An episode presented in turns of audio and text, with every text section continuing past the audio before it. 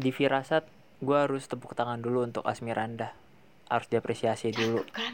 Cakep banget kan dia di situ. iya. Gue sebagai penonton setia RCTI ya sinetron khususnya ya. Asmiranda di sini membuktikan kalau dia juga pantas main film layar lebar. Nah,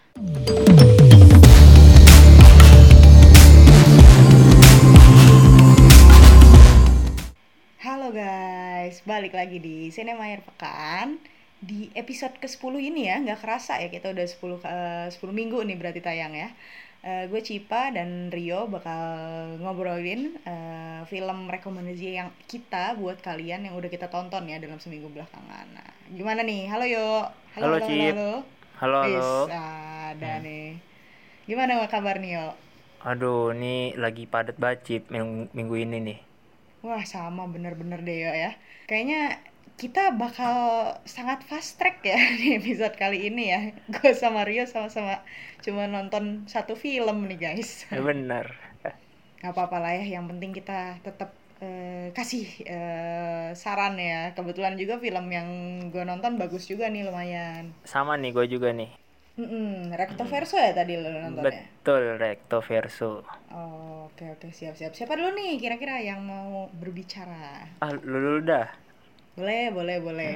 Oke, di gua di minggu ini nonton film India ya, Kapur and Sons, film tahun 2016. Itu ada di Netflix. Nah, Hmm. dia ceritanya tentang dua saudara yang terasing gitu ya, tinggal di luar negeri, yang satu di Inggris, satu di Amerika. Eh, mereka eh, pulang ke India ketika kakeknya sakit.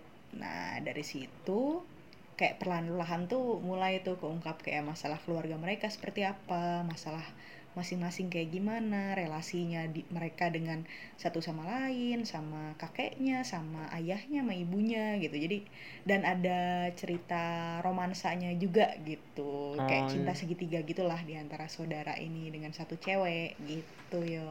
dikira gue feel good movie ternyata ada romansnya juga ya sedikit sih romansnya menurut gua nggak nggak terlalu banyak gitu ini sebenarnya lebih ke film keluarga yang cukup eh, touchy kali ya yang yang Hmm. agak-agak sentimental juga sedih juga sih menurut gue udah sedih juga gitu dan overall oke sih gue kasih eh, rating tuh tiga setengah soalnya lumayan tiga setengah ya Mm-mm. Oke. Ini yang main tuh ada ini nih yang main tuh ada si Dart Malhotra, Fawad Khan, Alia Bhatt, ada Ratna Patak, ada Rishi Kapoor, ada Rajat Kapoor. Ya, itulah pokoknya.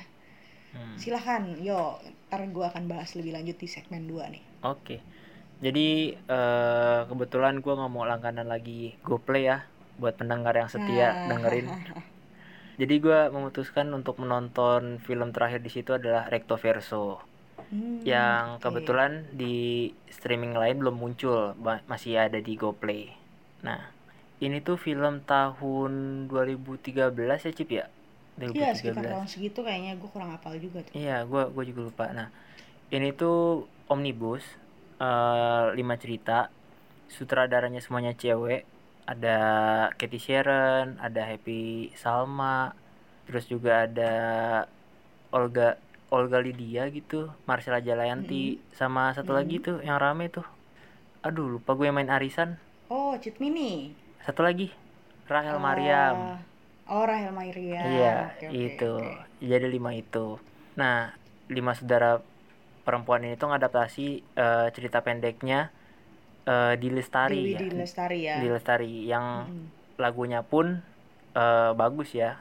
Ya, yang malaikat juga tahu ya. Uh, itu udah best itu. Nah, di sini eh gua mungkin sama dengan lu atau mungkin pendengar lain kalau malaikat juga tahu tuh partnya Lukman Sardi itu yang paling terbaik, Cip. Lu setuju gak sih? emang. Setuju Hmm. gue, setuju, setuju Iya. banget, setuju banget. Eh, gue nggak tahu ya. eh, Lukman Sardi emang menurut gue selalu keren ya, Hmm. selalu keren. Dia selalu bisa untuk eh, perform apa pun karakternya. Tapi di sini kerasa lebih spesial karena dia jadi anak yang eh orang yang ini kan ya ya eh, ada kekurangan gitu ya. Hmm, autis ya. Mm-mm. Dia lebih personal kali ya kerasanya ya. Hmm, kerasa banget ini.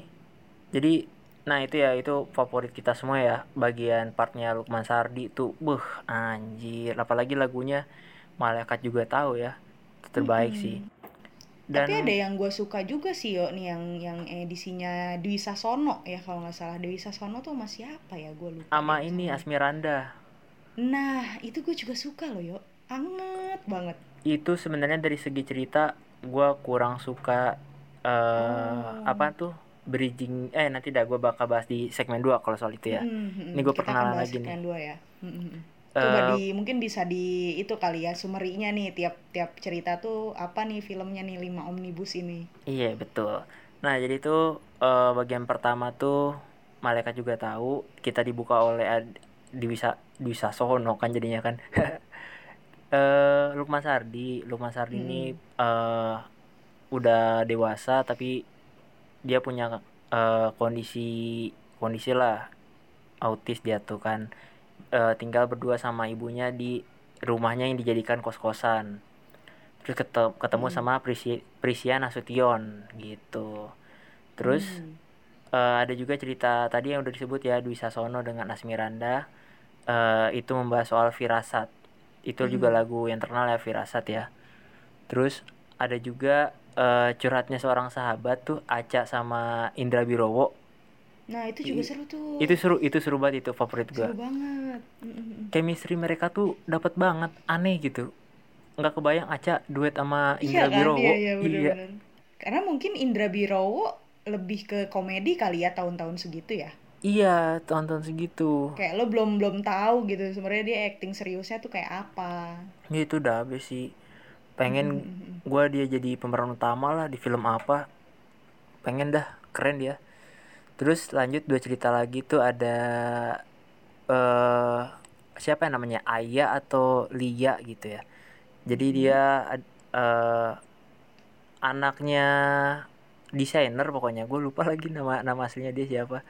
Jadi dia tuh eh salah satu dari lima orang eh asing di internet terus ketemu memutuskan liburan bareng atau ketemu bareng. Di situ dia jatuh cinta sama Hamis Daud gitu Hmm, si Ayah ini siapa nih pemerannya nih? Gue lupa. gue juga lupa. Nanti dah sambil segmen 2 kita cari ya. Gue bakal kasih Oh, tahu siap, janji nih gue nih. Terus abis itu tuh terakhir ada partnya ini. Eh aduh si Sophia Lajuba Sophia Lajuba Mm-mm. Sophia Lajuba ini ketemu sama aduh pemeran cowoknya siapa lagi? Jadi gampang lupa gini gua adalah dia ketemu sama pemeran cowok gitu. Jadi kayak one night stand gitu. Tapi akhirnya Mm-mm. eh si Sophia Lajuba ini adalah calon istri dari sahabatnya si Hmm. Taja. Udah lima cerita Hmm, ini dibungkus dan yang gue gue paling suka sih di endingnya sih. Lagu malaikat juga tahu terus di combine sama tuh keren banget Emang sih lagu-lagunya Dewi Lestari tuh bener-bener ya yuk ya. Iya makanya. Udah sih ya segmen satu itu ya. Segmen 2 nih gue bakal kasih tahu nama pemerannya siapa aja. Oh, Oke deh, berarti kalau gitu kita break dulu ya. Iya.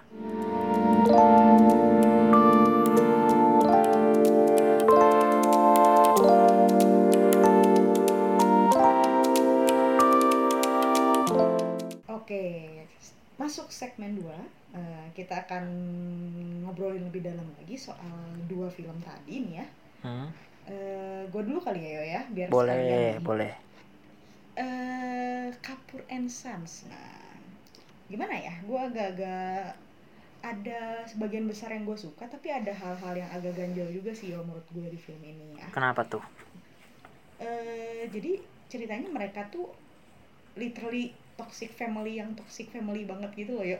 Hmm Kayak maksudnya emang, emang ada ada masalah yang gak terungkapkan gitu ya. Jadi mereka sama-sama holding the grudge gitu. eh terus eh apa ya si masing-masing orang itu punya punya masalah yang berbeda juga dalam hidupnya masalah personalnya maksudnya ya hmm. jadi kayak lo di gue sukanya sih mereka punya jadi punya layer gitu ya kar- karakternya. Jadi kayak lo bisa bisa relate bahwa si anak pertama ini tuh ceritanya novelis sukses gitu kan di Inggris. Tapi deep down gue yakin nih dari awal dia ini dia menyembunyikan sesuatu nih kayaknya gitu loh. Dia dia uh, ada masalah uh, khusus uh, dalam hidup dia yang emang gak diceritain karena dia diceritain sebagai perfect son gitu loh yo. Dia hmm. sukses dia punya dia kaya gitu kan. Dan dia dia favorit semua orang gitu. Tapi gue yakin nih ada sesuatu yang aneh gitu. Nah terus anak keduanya itu diceritakan, diceritakan sebagai sosok yang uh, lebih rebel gitu yo.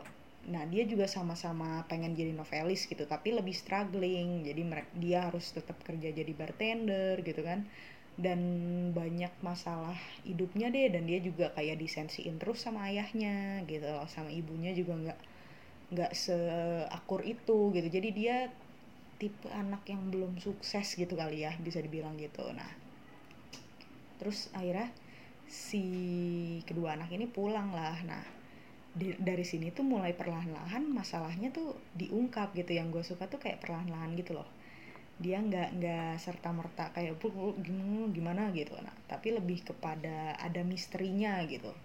Kayak hmm. si ada kejadian ceritanya si kakeknya kan sakit terus uh, pelan-pelan tuh diungkap ternyata si ayahnya ini selingkuh ternyata ayah sama ibunya ini udah udah pisah kamar gitu udah berapa tahun gitu kan.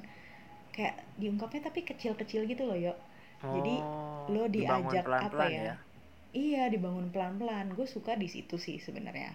Hmm. terus juga pelan-pelan ada cewek masuk gitu kan yang yang mulai disukain gitu sama sama si saudara, saudara si dua saudara ini kelihatannya gitu hmm. loh. Jadi tapi nggak over banget gitu. Romansnya menurut gue manis gitu. Dan nggak overwhelming dari masalah keluarga yang sebenarnya coba diperlihatkan gitu loh. Itu yang gue suka.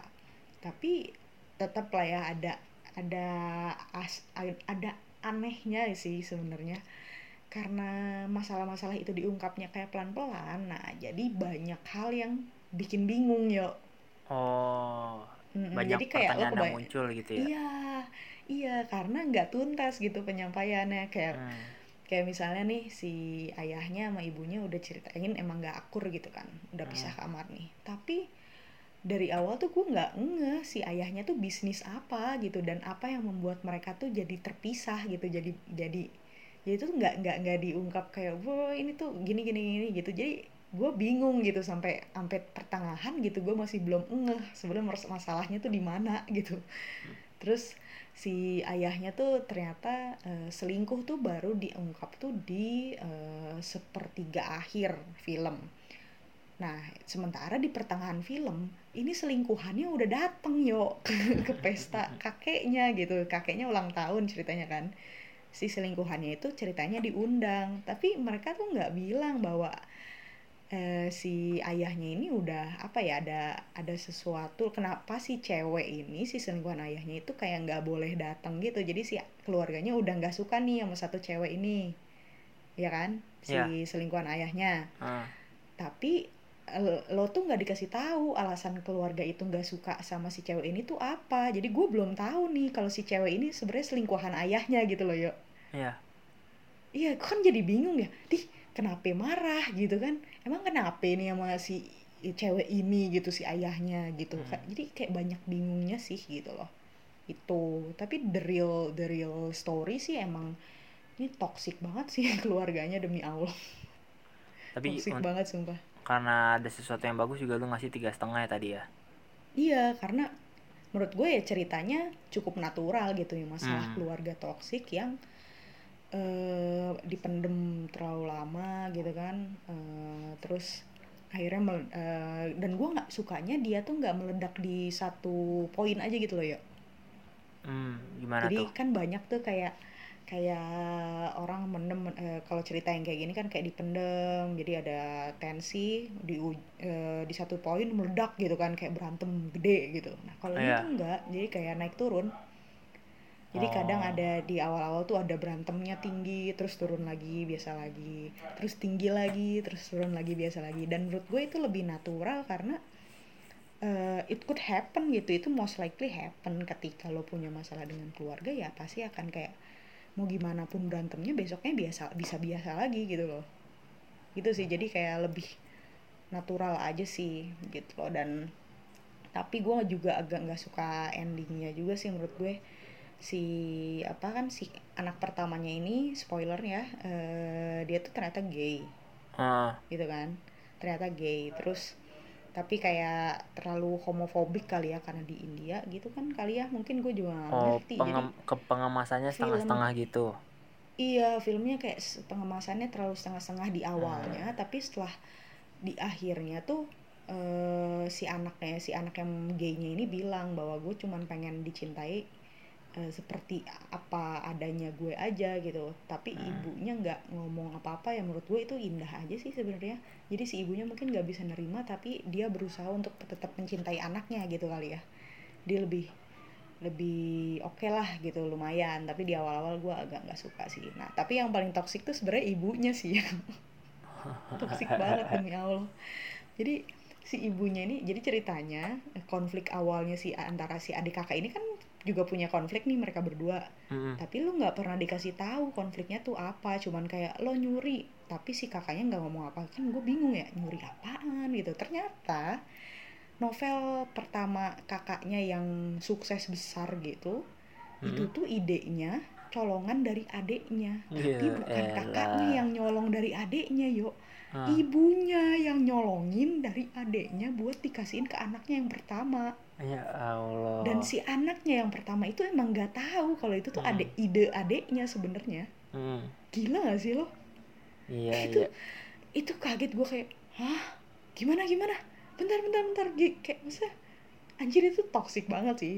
Dan yang gua ngeheknya banget si ibunya tuh kayak nggak ada nggak ada momen si ibu minta maaf atau kayak merasa sadar atau gimana sih gue kesel banget di situ. Makanya gue Hmm. kayaknya tuh yang bener-bener bikin gue bikin ngasih bintang tiga setengah sih. Kayak endingnya terlalu gimana gitu. Tapi Cip gue Hmm. tadi sekilas tuh ngedenger kayak aduh ini mirip-mirip sama NKCTHI ini proyeknya. Cuma eh proyeknya apa? Omongan lu gitu. Hmm, cuma enggak kayak sih beda sih oh beda ya kayaknya maksudnya kayak ada satu persoalan yang meledak terus juga tapi emang nggak nggak se setoksik atau sebangsat itu sih orang tuanya Iya, ya emang toksik sih ibunya gitu. Hmm. Cuman eh, yang gua rada nggak suka juga sebenarnya ya si kakeknya bilang mau gimana pun keluarga lu harus balik ya. Gua agak nggak setuju di situ. Tapi ya soal keluarga toksik masa lu tetap balik gitu. Tapi ya udahlah. Mungkin itu budaya sana kan budaya India kan emang bener-bener number one itu kan family gitu ya hmm. tapi yang bedanya sama NKCTHI emang sih kak setelah lu not, eh, lu bilang gitu gue juga ngeh oh kayaknya agak mirip nih ya yo ya bener ya, ya. Iya. cuman agak beda sih menurut gue eh, konfliknya kan kalau di NKCTHI itu apa ya yang gara-gara kembarannya meninggal itu kan Iya kabarnya meninggal jadi orang tuanya overprotective gitu. iya dan itu kayak menurut gue terlalu kecil sih untuk jadi sesuatu yang dibesar-besarkan meledak banget. Kalau ini tuh emang masalahnya banyak yo. Nah, ini masalahnya banyak emang toxic family aja. Oh iya sih. Kalau gua denger kalau itu kan orang tuanya adem ayem tapi karena trauma masa lalu. Kalau yang film yang lu tonton kan emang tai aja gitu kan ngeselin. Iya emang, cuman kayak tetap ada hangatnya sih. Eh, Emang, karakter emang. kakeknya menghibur banget, lovable, gue suka banget dan eh, itu aja sih paling kekurangannya kayak detailnya banyak details yang missing gitu. Jadi gue agak susah ngikutin sih, itu aja. Oke oke. Nah, recto verso yo, recto verso. Aduh. Lu terakhir nonton tahun berapa tuh? Pas pertama Aduh, nonton udah bioskop atau gimana? Gue nggak nonton bioskop, gue nonton di mana ya? Duh lupa. Kayak gue zaman zaman kegelapan gue masih ini deh ya apa masih Bajakan. bajakan Slow slow nggak apa-apa lah. Mm-mm, kayaknya dulu tapi gue udah makanya gue agak lupa lupa banget kan kayak karakternya gitu gitu Gua sebenarnya tuh emang pengen nonton ini. Maksudnya bukunya bagus gitu ya. Cuma karena itu doang gitu. Cuma gue baru sempat tonton baru eh, kemarin gitu. Dan tadi ya udah disebut ya Lukman Sardi itu keren banget sih emang keren. Dewi Irawan juga sebagai ibunya keren juga di sini. oh iya tuh Dewi Irawan ya gue baru Dewi. Irawan yang ja- jadi ibunya ini juga ya Jessica Mila di Imperfect Mm-mm. itu keren itu maksudnya juga porsi kakaknya pun datang tuh pas gitu pas banget kan. Kakaknya tuh mungkin eh kakaknya lagi kan. Si Hans ini bukan kakaknya sorry adiknya adiknya. Mm-mm. adiknya ini eh, pada akhirnya suka sama Prisia Nasution Lea. Karena si Lea Hmm. ini tuh deket banget sama abangnya. Deket kan kayak perhatian lain-lain. Terus ternyata di ending tuh wah anjir. Lu Lukman Sardi sada pas buka ini ya buka kamar pengen ngambil laundryannya Pe- si Lea terus nggak ada Lea langsung sedih. Wow itu udah habis banget sih puncak emosinya tuh kerasa di situ. Iya emang acting dia tuh bener-bener parah sih di situ. emang. Banget. lagunya malaikat juga tahu juga langsung diputer di situ. Anjir itu backsound sama actingnya tuh ter scene terbaik lah kalau yang gua bilang ya selama 10 tahun terakhir ini nih.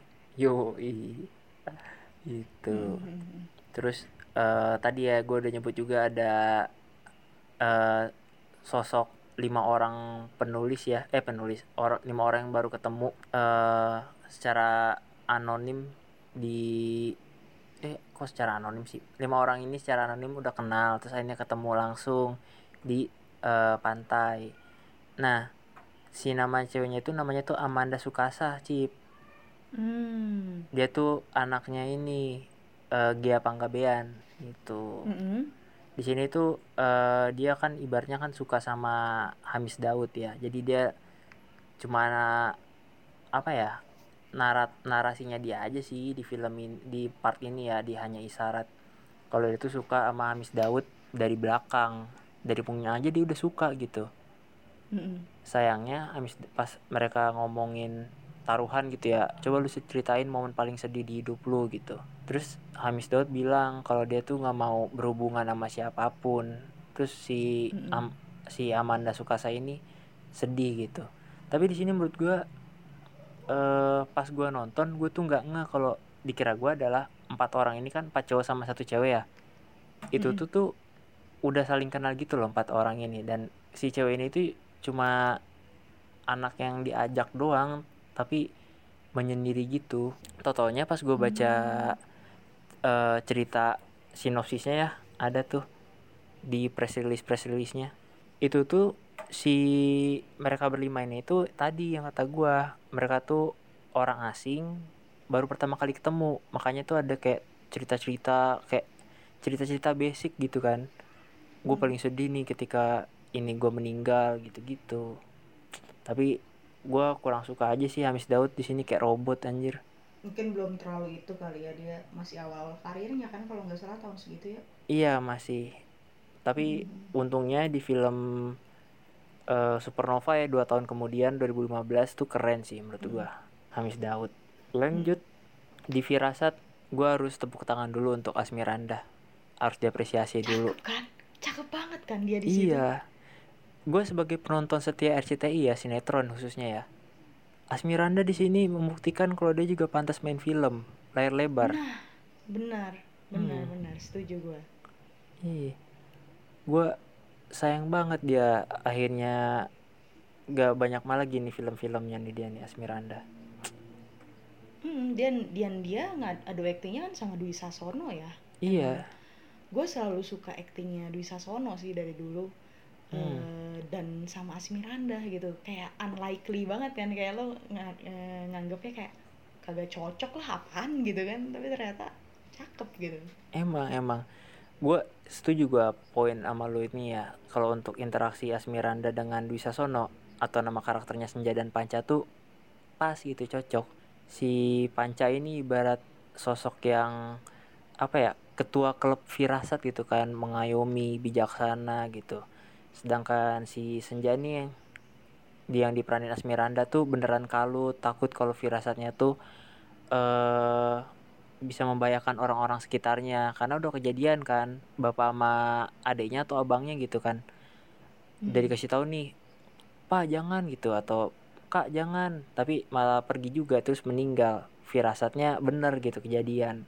Terus jadi trauma kan. Cuma menurut gua kayak ada satu part yang hilang gitu loh yang membuat gua kayak kurang kurang bersimpati sama Asmiranda kalau di part ini ya di cerita ini cerita ini dan akhirnya ketika si Asmiranda bilang jangan eh jangan pergi ke Dwi Sasono karena dia takut firasatnya bener si Dwi Sasono nanti bakal celaka tau-taunya si Asmiranda yang celaka Cip Nah, gokil gak tuh Iya.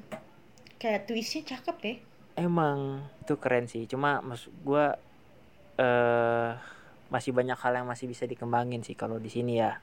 Terus lanjut di cerita keempat ada Sophia Lajuba sama Yama Carlos Cip. Yama Hmm. Carlos ternyata. Itu keren banget sih.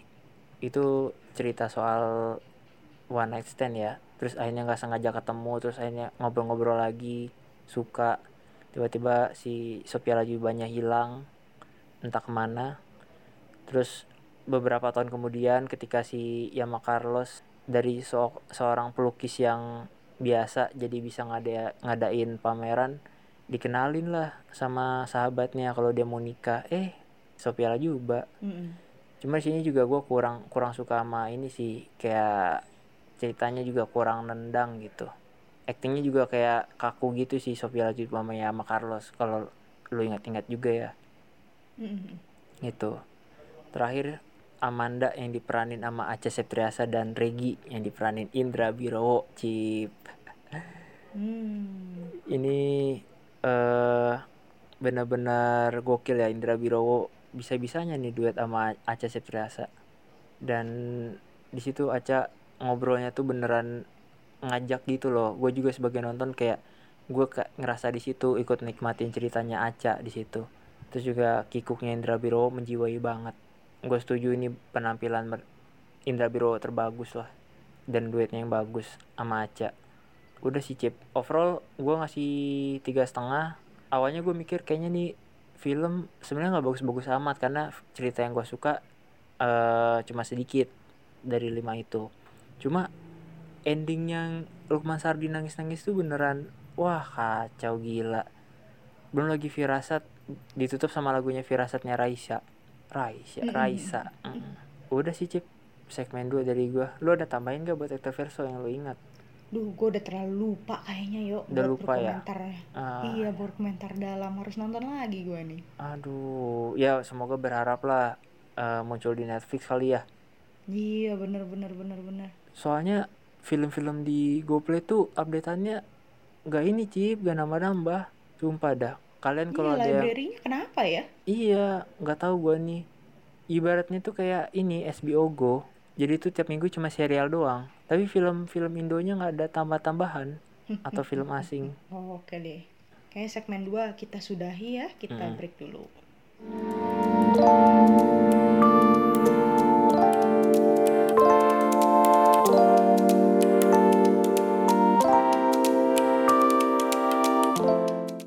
Oke, masuk ke segmen 3.